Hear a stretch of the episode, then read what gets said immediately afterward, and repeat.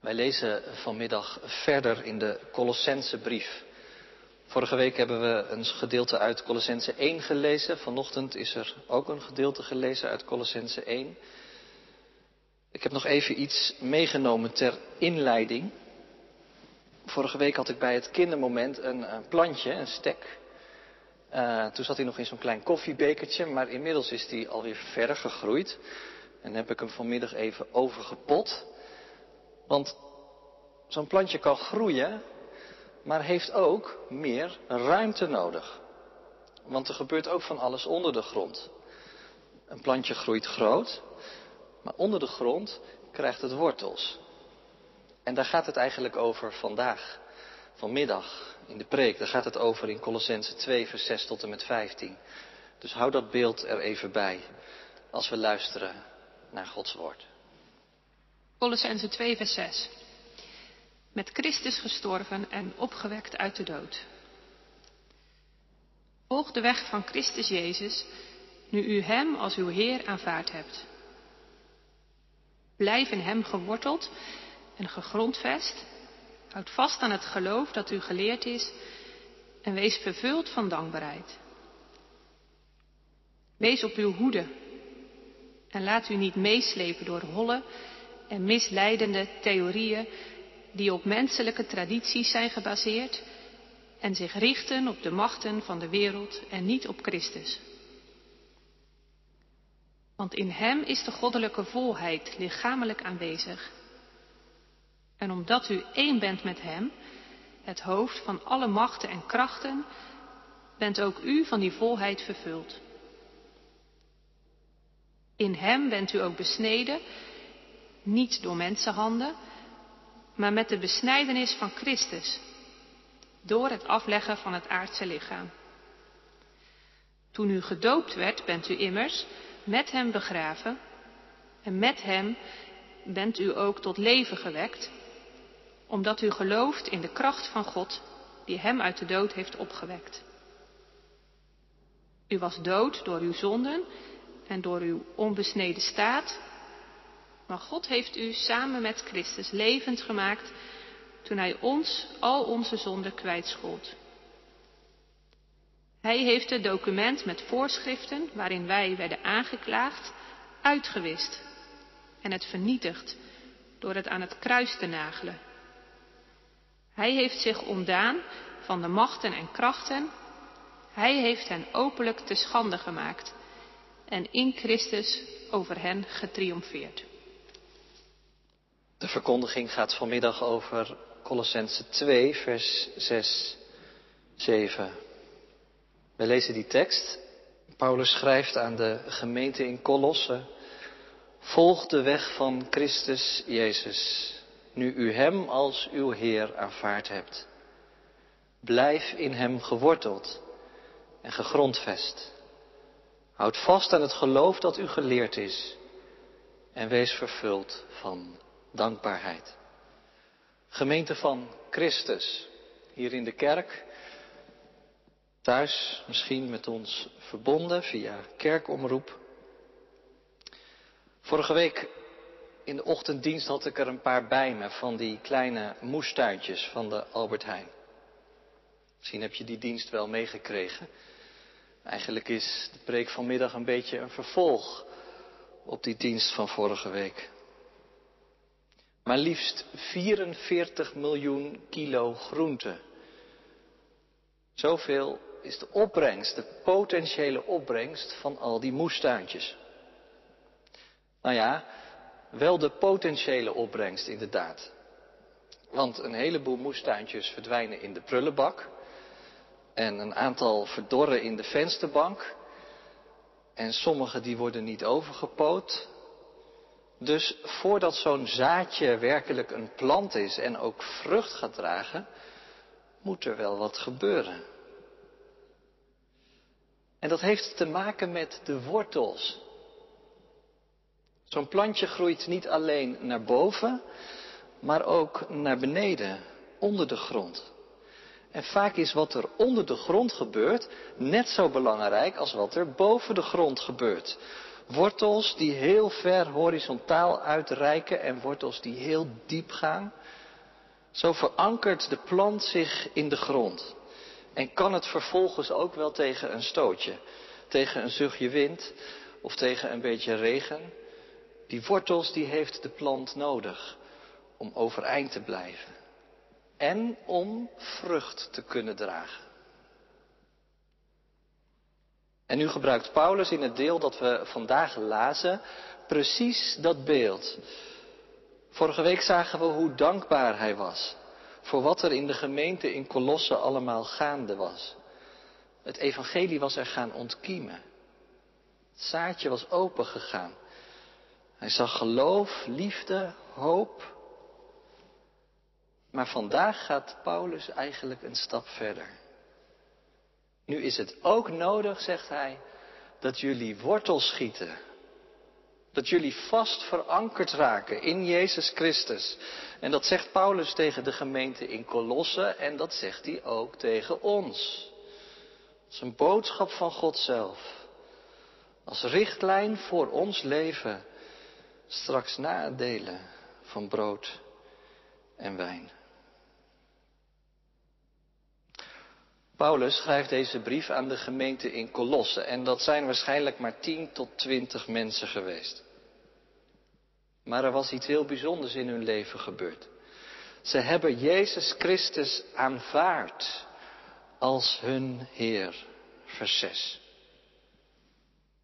Nou kun je natuurlijk iets aanvaarden alleen maar als het je eerst wordt aangeboden. Maar zo was het ook gegaan. Het was Epaphras geweest, een medewerker van Paulus, die in de stad Colosse aan wie dan ook de boodschap van het evangelie had gebracht.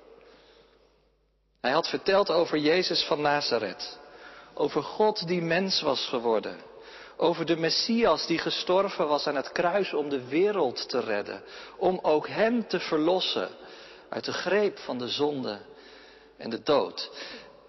En op die boodschap hadden ze amen gezegd zonder dat ze daar al te veel van afwisten. Een veelzeggende beleidenis, vind je niet? Eigenlijk ook het enige denkbare startpunt voor een leven in het geloof. Zonder de beleidenis, Jezus is Heer. Gaat het niet. Dan is alle kiemkracht uit het evangelie verdwenen. En tegelijkertijd, het is ook een beleidenis met een vervolg. Nu jullie Jezus als je Heer hebben beleden, moeten jullie ook zijn weg volgen. Je zou kunnen zeggen, Paulus legt heel even de vinger bij dat woordje Heer. Het woordje Curios. Iemand met gezag. Als we het over het ontvangen van Jezus Christus hebben, dan denken we vaak in de eerste plaats over Hem als Verlosser. Maar bedenk wel, Jezus kan alleen al onze Verlosser zijn als Hij ook onze Heer is. Als Hij de Heer is over hemel en over aarde. Als Hij autoriteit heeft over de machten van het kwaad. Jezus Christus aanvaarden waar Paulus het over heeft, betekent ten diepste dat je Hem gezag toevertrouwt. En dat je Christus het recht geeft om over jou te regeren. Om de richting van je leven te wijzen. Dat is precies wat Paulus zegt. Als Jezus je Heer is, volg dan de weg die Hij wijst. Je zou ook kunnen vertalen, wandel op zijn weg. In zijn brief aan de gemeente in Efeze schrijft Paulus dat de gelovigen in die stad vroeger op de weg van de God van deze wereld wandelden. Dat bepaalde hun identiteit. Toen waren jullie als dood vanwege de misstappen en de zonde, schrijft hij. Maar nu, nu hebben jullie een andere identiteit aangenomen. En dat betekent dat jullie op een andere weg zijn gaan wandelen. Een weg die past bij jullie nieuwe identiteit en bij jullie nieuwe roeping. En dat is een weg van bescheidenheid, zachtmoedigheid, geduld, vrede, verdraagzaamheid en liefde. Dat zal hij hier ook wel bedoelen. Ik hoop eigenlijk dat je zegt, dat is een leven waar ik soms echt naar verlangen kan. Tegelijkertijd kan ik me ook voorstellen dat je zegt, en toch is het ook zo verdraaid lastig. Wat denkt Paulus wel niet van die mensen in Kolossen? Zijn zijn verwachtingen niet een beetje hoog gespannen? Hoe kunnen ze nou ooit tot zo'n levensstijl komen? Nou ja, daarvoor gebruikt Paulus dus dat hele sterke beeld. Dat eigenlijk alles met vruchtdragen te maken heeft. Weet je hoe je zo ver kunt komen? Door geworteld te zijn in Christus. Door je identiteit te zoeken in Hem. En door die in Hem te blijven zoeken en vinden. Want zeg nu zelf, Christus stond toch aan het begin van alles wat er gebeurde. Je hebt Hem toch ontvangen en aanvaard. Laat het zaad van het evangelie dan nu maar helemaal ontkiemen en opgroeien. Laat het maar wortel schieten. En laat je leven maar helemaal in overeenstemming zijn met dat geestelijke begin. En wat betekent dat dan? Nou, dat maakt Paulus vervolgens duidelijk. In hem geworteld blijven, dat betekent in ieder geval, vers 7, vasthouden aan het geloof dat jullie geleerd is. Ik weet niet of dat nu het eerste zou zijn waar je aan denkt. Paulus heeft het nadrukkelijk over het geloof dat jullie geleerd is. Is dat niet een beetje onpersoonlijk? Geloof heeft toch in de eerste plaats met jouzelf te maken. Het gaat toch over jouw hart en over jouw ziel en over hoe jij ten over God staat? Nou ja, blijkbaar schrijft Paulus het hier heel bewust zo. Blijkbaar is het geloof niet in de eerste plaats iets individueels. Zo van, je hebt jouw geloof en ik heb mijn geloof, onze eigen authentieke ervaring met God. Nee, Paulus heeft het over het geloof dat ons geleerd is. Je zou kunnen zeggen, dat is de leer van de apostelen. Dat wat Epaphras hen kwam vertellen, dat had Epaphras van Paulus gehoord. En Paulus had het van de leerlingen gehoord. En de leerlingen hadden het van Jezus gehoord. Dat is een leer die van mens tot mens wordt doorgegeven in alle gebrokenheid en in alle kwetsbaarheid. Maar steeds weer klinkt dat evangelie, geloof in Jezus Christus. En steeds weer blijkt het ook meer te zijn dan kennis alleen. Het is ook de ervaring die door de generaties heen wordt gedeeld. Mensen die je vertellen dat het werkelijk de moeite waard is om te vertrouwen op de levende Hou aan dat getuigenis vast, zegt Paulus. Volgens mij is dat vandaag hard nodig. Om elkaar het evangelie door te geven, een grond om op te staan, iets om je aan vast te houden, juist als het moeilijk wordt. En misschien wel juist als je het zelf niet meer weet, of helemaal niet meer voelt dat er dan die woorden zijn van een ander. Wat dat betreft leken die gelovigen in Kolossen best wel een beetje op ons, denk ik. Werd er op allerlei manieren ook aan hen getrokken. Ook en misschien wel juist als het over hun manier van denken ging, over hun identiteit, over hun geloofsbeleving. Dat blijkt wel uit de rest van het gedeelte dat we net lazen. In vers 8 tot en met 15 geeft Paulus eigenlijk twee voorbeelden van manieren van denken die je enorm kunnen afleiden om in Christus te blijven. En het zijn volgens mij twee manieren van denken die nog steeds heel dichtbij komen, ook voor ons. Aan de ene kant noemt Paulus de verleiding van een strikt wereldse manier van denken. Laat je niet meeslepen met allerlei holle en misleidende theorieën die op menselijke tradities zijn gebaseerd. Vers 8. Zij richten zich namelijk op de machten van deze wereld. Ik moest denken aan de eindeloze stroom van informatie die ook vandaag de dag door de wereld trekt. De kakofonie van geluiden en meningen op de sociale media. Waar gaat het eigenlijk om bij al die theorieën? Paulus zou zeggen heel vaak over de machten van deze wereld. Zelden tot nooit richten ze je oog omhoog. Maar Christus breekt volgens Paulus in zo'n horizontale manier van denken in. Hij is God die mens werd, schrijft hij. En als zodanig is de goddelijke volheid in hem aanwezig. Daar ging het vanochtend in de dienst over. Als jij dus in Christus bent en blijft, dan trekt zijn goddelijkheid je als het ware boven de dingen uit. Christus staat boven de elementen en richt jouw oog omhoog. Laat je dus niet verleiden om met deze wereld mee te hobbelen. Want het is werkelijk een degradatie. Die machten van deze wereld, die drukken je neer. Ze houden je klein. Ze maken je soms zo somber. Nou, dat is de ene verleiding die Paulus noemt. En aan de andere kant noemt Paulus in dit stuk ook nog iets anders. Dat is de verleiding van een strikt religieuze manier van denken. Je zou kunnen zeggen het gevaar van een wettisch leven. Onder het mom van vroomheid kan zo'n levenswijze eigenlijk net zo oppervlakkig zijn. Er zit misschien wel een hele simpele manier van denken achter.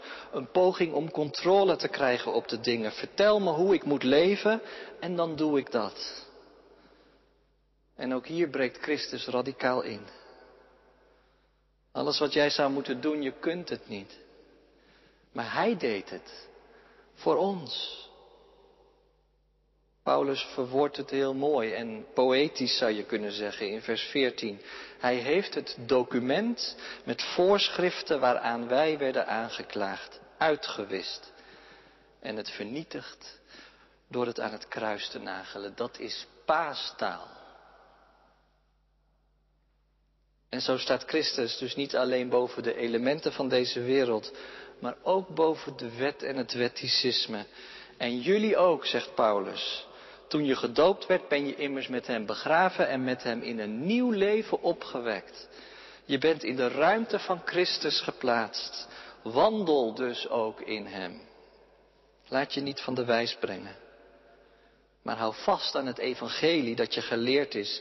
De weg midden tussen de wereld en het wetticisme door. De weg van het leven uit de genade. Je zou dit advies van Paulus ook wel zo kunnen vertalen. Zoek steeds opnieuw de bevestiging in het geloof dat je geleerd is. Toets de dingen. En dat vind ik eigenlijk wel een mooi beeld. Leg steeds opnieuw jouw ervaringen naast het evangelie en doe dat biddend. En je zult zien dat het geloof je meer en meer inzicht geeft. Misschien is dat ook wel de enige manier om het vol te houden. Dat je de momenten koestert waarop je het zeker weet, inderdaad, zoals ik het hoorde en zoals ik het ben gaan geloven en beleiden, zo is het ook. Dat soort momenten zijn als zonlicht voor het plantje dat omhoog komt. En zonder het misschien te weten, groeit zo ook onder de grond de wortel diep en breed. Weet je, ik vind het altijd een wonder om te bedenken dat het evangelie zo over de hele wereld is gekomen, door de eeuwen heen. Vanuit Colosse, uiteindelijk helemaal in Utrecht. Als je dat bedenkt, dan is dat ook steeds wel iets om ook dankbaar voor te zijn, vind je niet? Dat God zo werkt.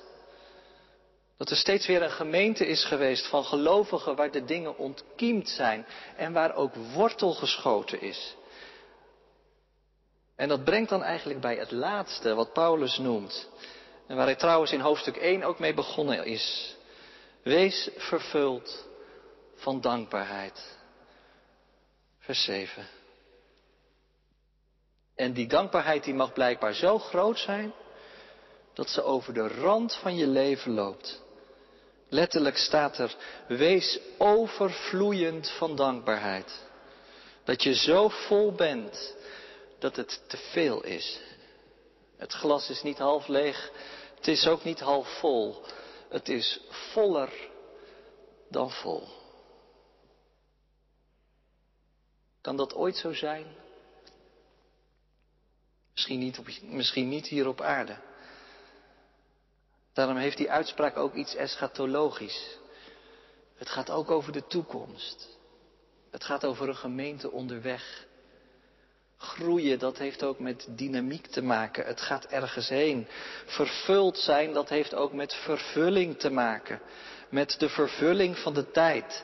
De kerk beweegt daar naartoe. Als geen ander is Paulus zich daarvan bewust.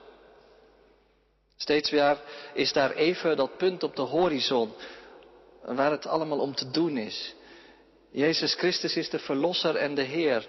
En dat betekent dat het niet anders kan of zijn koninkrijk breekt baan doorheen de tijd. En de gemeente heeft daarin een rol, een plek van betekenis. En dat woordje overvloeien, dat gebruikt Paulus regelmatig om aan te geven wat er met ons gebeuren kan. Paulus verlangt ernaar dat de gemeente in Rome overvloedig mag hopen op de kracht van de Heilige Geest. Hij vermaant de gemeente in Korinthe dat ze moeten streven naar een overvloed van gaven die dienen om de gemeente op te bouwen. En aan de gemeente in Thessalonica vraagt hij om te groeien en overvloedig te zijn in de wederzijdse liefde en in de christelijke wandel.